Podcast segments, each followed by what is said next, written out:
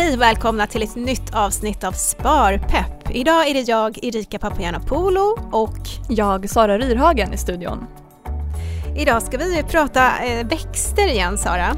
Exakt! Vi hade ju ett avsnitt innan sommaren om blommor och växter och vi har fått feedback på det med önskningar om ett uppföljningsavsnitt.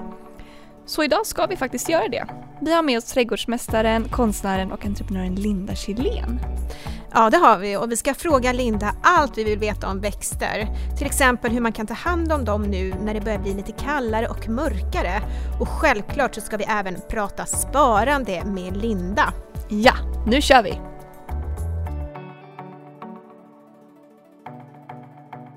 Då säger vi hej Linda Kjellén! Hej! Välkommen till Sparpepp! Ja, tackar, tackar!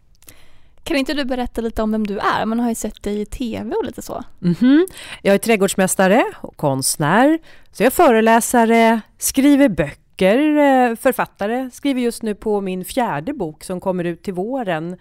Sen håller jag massa kurser i måleri och Ja, sen har jag ju alla mina djur också, hästar och hundar. Eh. Så att jag är eh, levnadskonstnär. Jag, jag gör det som faller mig in. Hur kommer det sig att du blev entreprenör och egenföretagare? Det var väl egentligen två eh, anledningar. Den ena det var att jag jobbade tidigare som flygvärdinna och som flygvärdinna så är man styrd av ett schema. Man får sitt schema ungefär en och en halv månad i förväg och sen har man det schemat att förhålla sig till. Och efter 16 års eh, förhållande till ett schema så kände jag att nej, jag vill bestämma själv hur jag ska jobba och mina arbetstider. Och sen så har jag ju väldigt många idéer som kommer upp i mitt huvud, sådär, saker som jag vill göra. Och nu blev det ju då trädgård eh, där jag blev med hus för en eh, 15 år sedan. Och eh, när jag klev ut i trädgården så glömde jag liksom tid och rum. Och jag ville ju bara hålla på i trädgården och jag kom på idéer. Och då tänkte jag att det här måste jag nog jobba med. Och jag vill jobba för mig för jag vill själv bestämma. Men hur tänkte du inför du skulle eh, starta eget? Jag tänker lite kring startkapital och sparande och, och kanske pension också. För det är inte mm. självklart när man är egen istället för anställd. Nej, det här var ju inte ett enkelt steg att ta att faktiskt säga upp sig från en trygg fast anställning där man på något sätt ändå ingår i någon form av fallskärm. Allt ifrån om du blir sjukskriven eller om du har små barn och behöver vara hemma och vabba och, och pensionen såklart. Så det var ju många tankar innan jag valde att säga upp mig. Nu eh, gjorde jag som så att jag eh, visste väl att jag skulle ut och föreläsa, inspirera till att väcka lusten till att odla hos andra. För det var ju den där lusten till att odla som faktiskt är min drivkraft. Och eh, när jag då eh, visste att jag skulle ut och föreläsa så behövde jag ju inte vara rädd för att jag hade dragit på mig några extra kostnader. Det var ju jag som var produkten. Och eh, därför så har jag ingen hyra speciellt på en lokal eller ingen varulager. Och det gjorde att jag behövde ju inte låna några pengar för att dra igång. Däremot så behövde jag ju överleva de här första halvåret, kanske året innan jag hade jobbat upp mig kunder som faktiskt eh, jag kunde fakturera.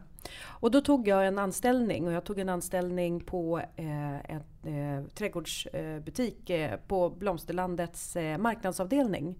Där jag hade som en, eh, eller projektanställning var det under ett år som jag jobbade för dem. Sen eh, efter det året, då hade jag eh, kommit igång med mitt företag. Så då släppte jag taget helt och hållet. Eh.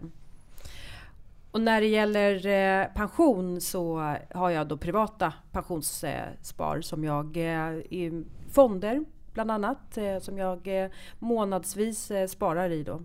Det låter jättebra, du har koll på det här. Men eh, vad har du mer för erfarenheter kring sparandet? Eh, kan du dela med dig av något så personligt tips? Ja, för det första så både jag och min man vi är väldigt förtjusta i hus. Så att vi har eh, olika fastigheter och de i sin tur ser vi ju då som stora investeringar för framtiden. Och eh, sen har jag rent mindre, om man säger så, har jag delat upp eh, mina sparanden på flera olika eh, konton. Så att jag har ju då ett konto där jag sparar för mina hästar till exempel.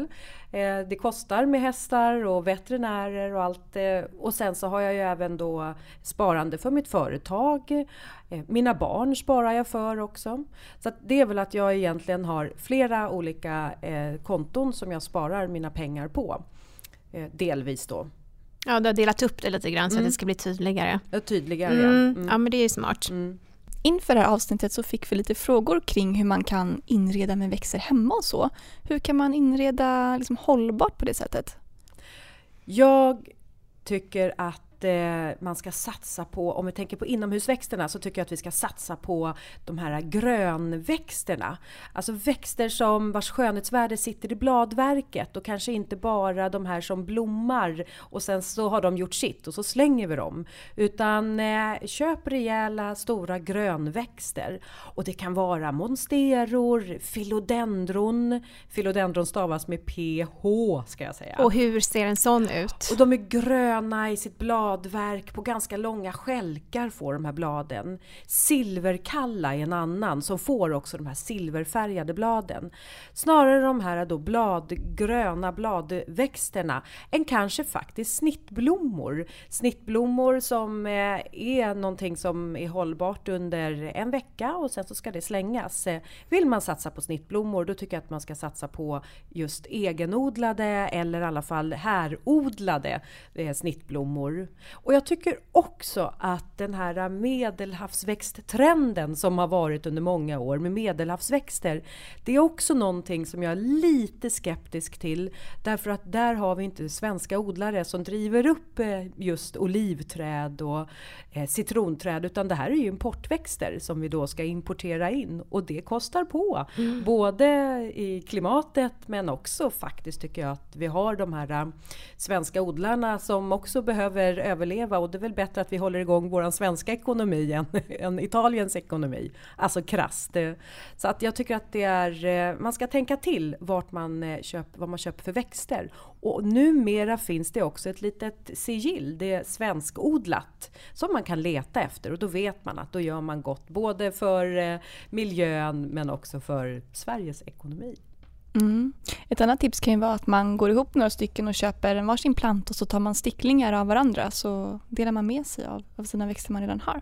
Det är verkligen också. Mm. Någonting som är ganska roligt också som också är en, en stor sån där trend att man gör. Mm. Jag fick en stickling av dig Sara. Mm, det fick du ju. Ja, mm. fick jag. Så här palettblad. Just det. Ja, står ja. där hemma och hoppas att det ska växa till sig. Jättefina det... höstfärger, så här rött och grönt. Och... Ja, det förstår jag. Och palettblad är ju en av de här eh, lite enklaste också att sticklingsföröka. Så det där är en bra sån här växt att eh, boosta sitt gröna självförtroende med, för man lyckas. ja, den är fortfarande still alive. Bra Erika. på bordet. Jag ska bara säga också, när det kommer till att inreda med växter så brukar jag eh, göra en liknelse med hemmets eh, lampor. Så att där du har en ljuskälla, där ska vi också ha en växt. Och då kan man ha växter då, alltså har du en golvlampa, då har du också en eh, kanske växt som står på marken eller på golvet. Och sen så har du en växt eller en lampa på ett sideboard, då har du också en växt på det där sideboardet. Så att man tänker att man får växter högt och lågt i hela huset. Jättebra tips! Det har jag inte tänkt på. Ska jag hem och inte jag ställa i ordning. Ja. Gröna ljuskällor blir det istället. Ja, precis. Ah, smart! Men du Linda, vi träffade ju, jag och Sara träffade ju dig ute på Trädgårdsmässan eh, här i våras och eh, då gjorde vi ett litet inslag med dig till den här podden Sparpepp. Tänkte vi skulle följa upp det lite grann. Vi pratade ju om det här hur man kan få sitt sparande att växa. Vi tyckte det var en lite rolig koppling. Och då pratade vi även om hur man då i våras kunde inreda sin uteplats eller balkong inför sommaren. Men nu är det ju höst och snart vinter. Mm -hmm.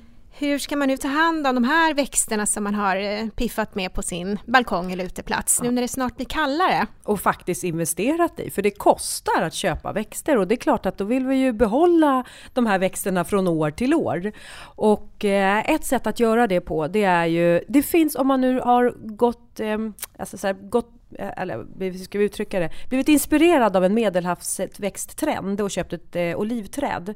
Då ska det olivträdet förvaras eh, inomhus eh, runt 10-12 grader. Jag tycker att man istället ska satsa på ett skandinaviskt eh, medelhavsträd och det, eller olivträd och det är ett alpvide. Alpvide är nämligen en växt som kan stå ute året runt men det ser ut som ett olivträd.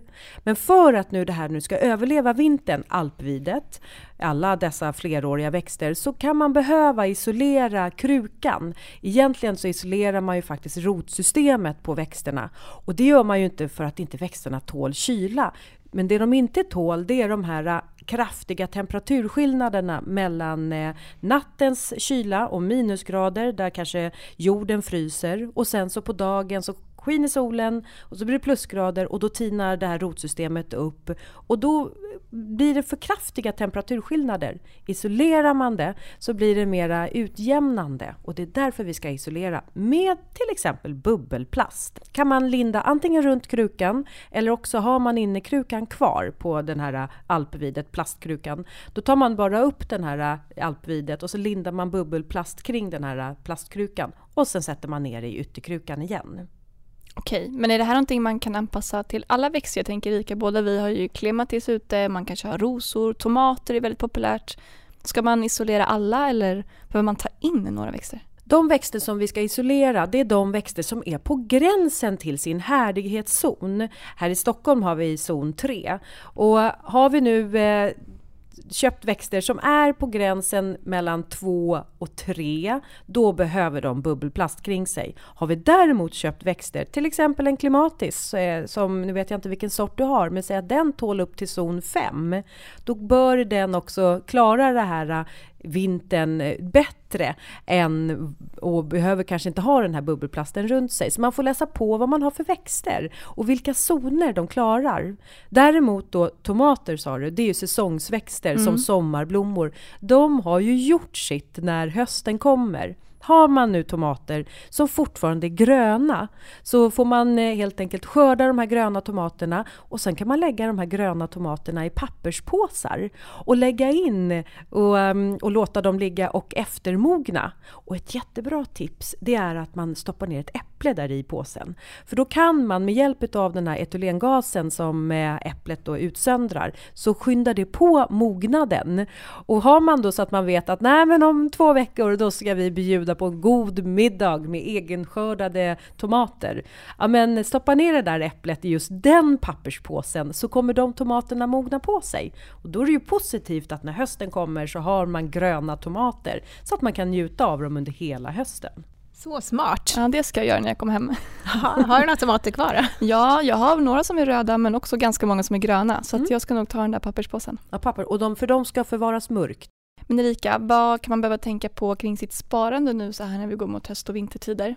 Ja du, bra fråga. Nej, men det är beroende på hur och vad man sparar i så kan det ju vara en bra grej att se över hur man ligger till i förhållande till den risk som man är villig att ta. Det pratar vi mycket om. Eh, för marknaden rör ju sig upp och ner så det kan vara bra så att man inte har samma risk i sina placeringar nu som för till exempel ett halvår sedan. Just det, det är bra. Eh, en annan grej som kan vara bra att ha koll på är om man ligger i linje med sin budget, vad man har budgeterat för kanske under sommaren men också under hösten. Eh, och räkna lite på den och se om man behöver anpassa så att man ligger i den nivå man vill och så att man kan spara det man vill och spendera det man vill. Eh, och det kan ju också vara så att man eh, får göra en budget helt enkelt. Och eh, är det någonting som man kan dra in på för att kunna spara lite mer. Vi brukar prata mycket om det här, köpa med sig en take away-kaffe på stan. Om man köper en kaffe varje arbetsdag, ja men till exempel 20-30 kronor. Om ni säger 20 kronor, ja, då är det 400 kronor som istället kan spara och investera.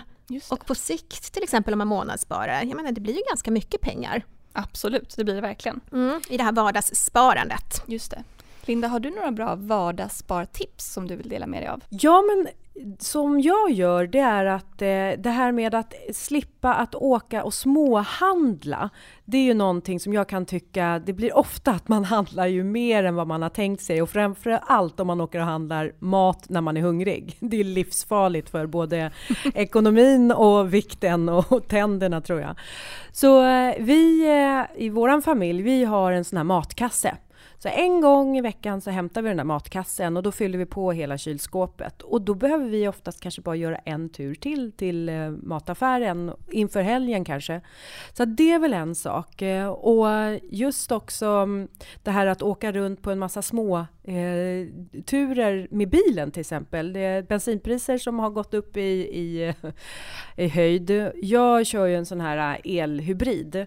Så där laddar jag ju den och ser till att jag alltid har ett fulladdat batteri. Och det är också någonting som jag märker stor skillnad på eh, kontot för hur mycket pengar jag tidigare lagt på bensinkostnader.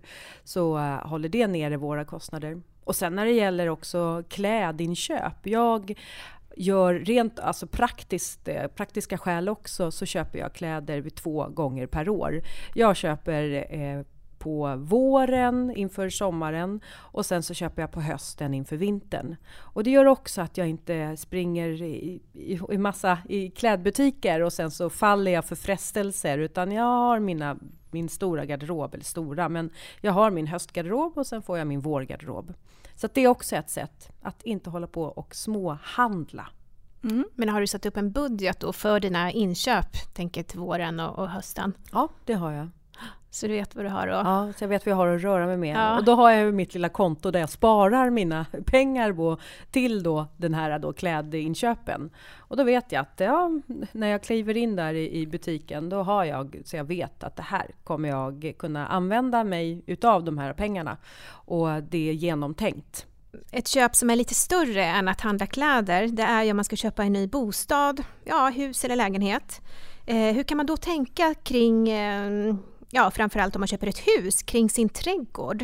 Eh, hur kan man tänka smart för att inte, ja, eh, shoppa loss till den helt enkelt? Kan man göra en budget för att skapa sin egna oas? Jag tycker absolut att man kan göra en budget och än en gång där så tycker jag att budgeten kan eh, bestå av flera delar. Därför att när jag eh, gör trädgårdar och även min egen trädgård så har jag delat in den i olika rum eh, inom citationstecken men trädgårdsrum.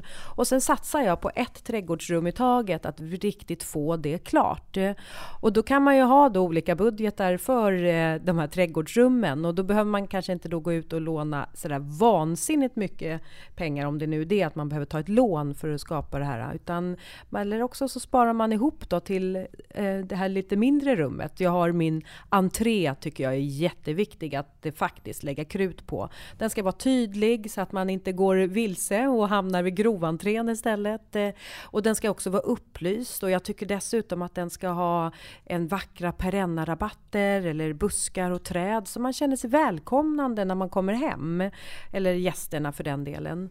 Så att eh, gör en budget för de olika trädgårdsrummen och vad man ska använda dem till. Om man bor i lägenhet så kanske man har en uteplats eller balkong. Du har ju balkong Sara och jag har en uteplats. Har du några tips som man kan tänka där? Där har vi ju pratat om de här äh, fleråriga växterna. Skippa kanske olivträden och satsa hellre på just det här alpvidet eller kanske ett silverpäron så att du inte varje år behöver köpa nya växter utan att du kan plocka fram dem från sin, eh, bara lätta lite på bubbelplasten så att de kan börja växa igen. Ehm, så det är väl det ena. Det andra är väl, precis som vi pratade om tidigare, det här med sticklingar men också att man faktiskt kan börja förodla och frö, driva upp sina egna då sommarplantor och sommarväxter från frö. Det är också väldigt roligt och lärorikt. Alltså man blir ju mamma eller pappa, man blir förälder till så många små växtbebisar och det är liksom, ja det är mycket kärlek i de där små, små växtbebisarna. Så att eh, driva upp själv och satsa på lite mer anpassade växter för vårt klimat. Och när kan man börja med det? När det gäller att börja och driva upp växter från frö så är det någon gång i eh, februari, mars det beror lite på hur lång groningstid de har. Man får läsa på påsen, för då står det att eh, de kanske tar en åtta veckor på sig från frö tills de har börjat att titta upp ur, ur, jorden. Och då vill man ju inte börja för tidigt så att de börjar att titta upp. Börjar i januari så börjar plantorna titta upp redan i, i mars. Och sen ska vi vänta ytterligare två månader innan vi kan ta ut dem på balkongen. Då är det bättre att eh, börja då i mars så att man kan sen plantera ut dem i maj. Det var smart det här med att tänka lite olika rum kanske på sin uteplats och också budgetera för lite olika delar av sin uteplats eller trädgård eller så. Och då kan man ju, som du var inne på tidigare Linda, skapa olika konton för just det så vet man att de här pengarna ska gå till min trädgård eller just den här delen av trädgården.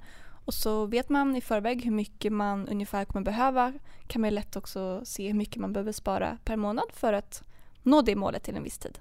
Ja, men det är väl också så här när saker och ting blir för stora, då kanske man eh, ger upp och bara nej, det där är för ohanterligt, det där blir för Alltså för min, nej, alltså om det är för stora pengar eller för stora projekt. Eh, och så tar man då bara liksom och lite så här, skalar ner det och delar upp det så tror jag att det är lättare att komma igång och ta sig över tröskeln.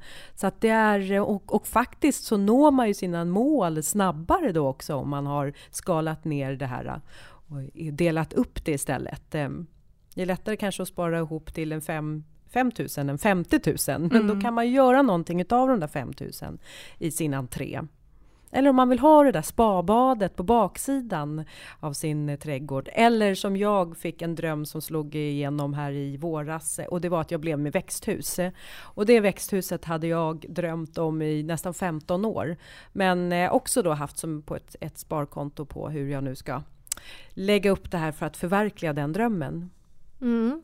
Vi hade verkligen ett tydligt sparmål. Mm -hmm. eh, men det är också viktigt att tänka på vilken sparhorisont man har på just sparandet eh, och vad man har för mål så att man vet hur pass stor risk man kan ta. För ju längre fram i tiden man ska använda pengarna desto större risk så kan man ju generellt ta. Och sen så får man ju som vi sa tidigare justera med tiden såklart och kolla upp om man har nått sitt delmål till exempel. Här är lite breaking news. Sparpepp finns nu även på Spotify, så nu kan du få ditt favoritavsnitt direkt i podcastflödet på Spotify. Nu tillbaka till dagens avsnitt. Melinda, jag tänker lite på det som vi pratade om när vi träffade dig på Trädgårdsmässan.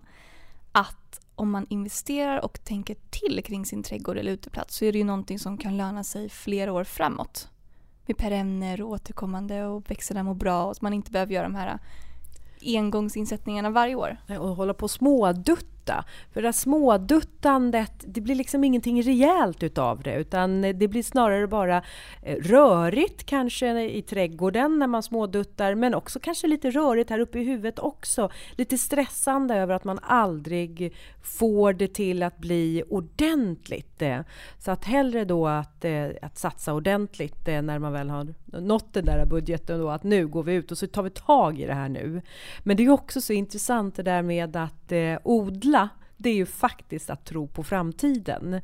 Så, men planterar jag ett träd nu, då tror jag faktiskt på att det finns en framtid om 25 år, 30 år, 50 år.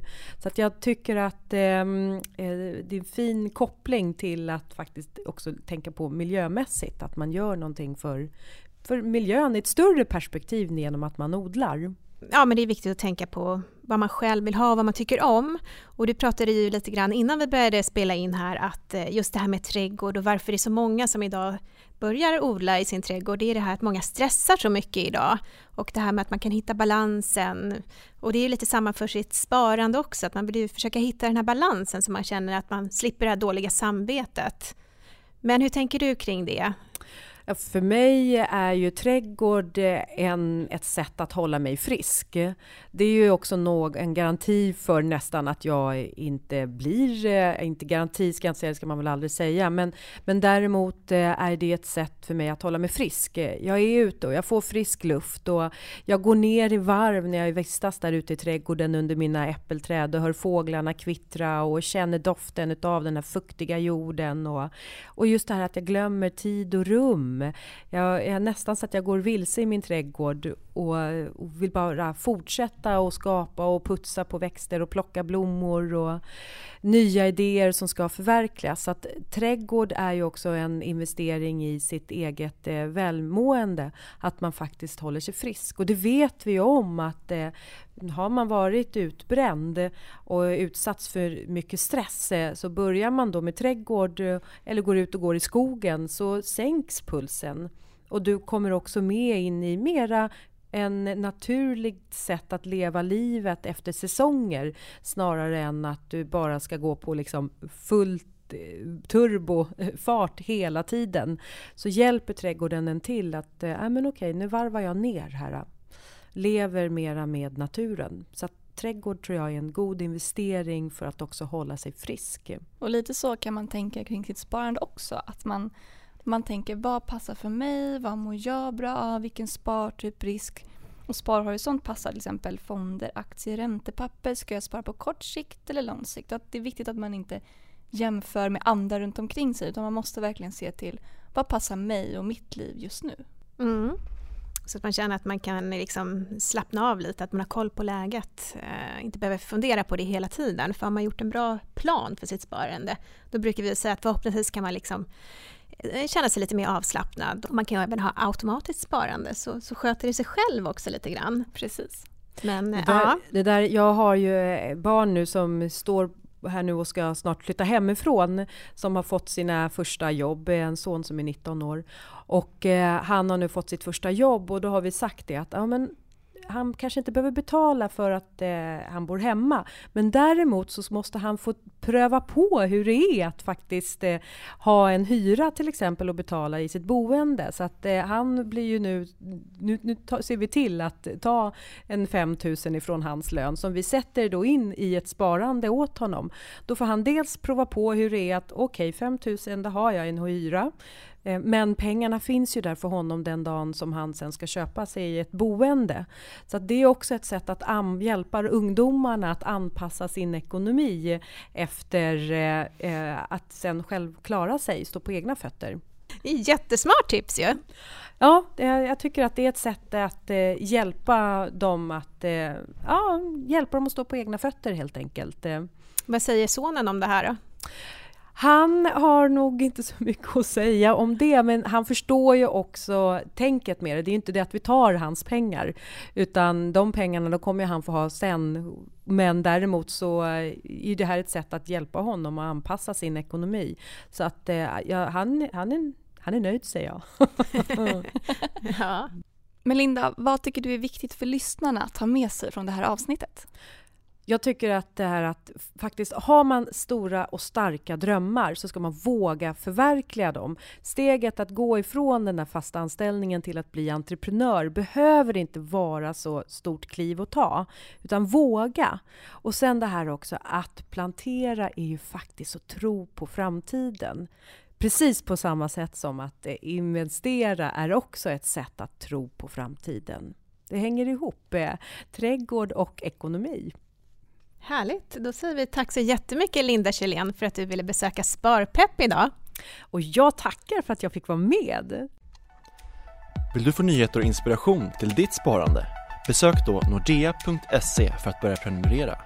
Nyhetsbrevet kommer varje måndag direkt till din mejllåda. Tack så mycket för att ni har lyssnat på det här avsnittet om sparande och växter som ju faktiskt går väldigt bra hand i hand.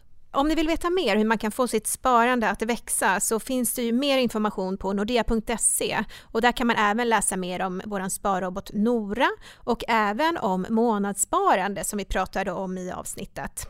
Och har ni frågor eller input kring podden så får ni jättegärna mejla oss och det gör ni på sparpepp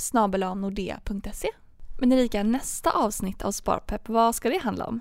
Då är jag och Daniel i studion och temat för det avsnittet kommer vara hur man kan prata ekonomi med ungdomar och eh, med sina barn, om man nu är förälder. Spännande! Eh, ja, det låter väl spännande. Ja, det ser vi fram emot. Men då säger vi väl tack så jättemycket för att ni har lyssnat och vi hörs om två veckor igen.